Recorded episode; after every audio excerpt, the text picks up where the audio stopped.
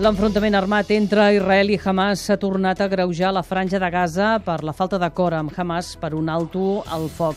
En 17 dies d'ofensiva han perdut la vida 733 palestins, la majoria civils, dels quals molts són dones i nens, segons l'últim comunicat mèdic del Ministeri de Salut a Gaza. També han mort 33 soldats i 3 civils israelians.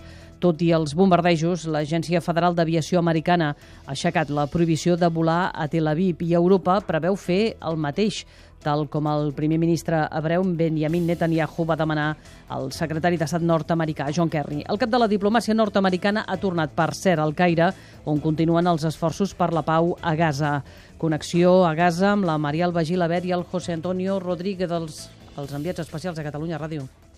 Bon dia. A la capital Gaza City ara mateix tenim molta tranquil·litat. Fa estona que no se senten explosions i són molt esporàdiques.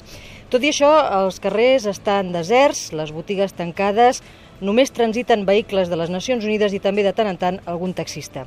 Hem vist algunes ambulàncies procedents d'Israel que anaven cap al sud de la franja per mirar d'evacuar les víctimes dels dos darrers dies d'atacs israelians que han estat contra dues petites poblacions que continuen assetjades eh, pels tancs i que estan prop de Han Junés, al sud de la franja i prop de la frontera amb Israel.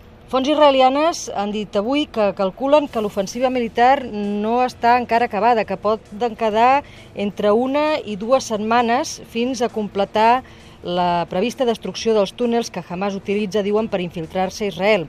Així doncs, el que tenim avui pot ser una pausa humanitària que probablement només duri unes hores. De tota manera, no s'esvaeix l'esperança que entre dilluns i dimarts, quan s'acaba el mes sagrat del Ramadan, es pugui aconseguir d'aquí a llavors algun tipus de treva.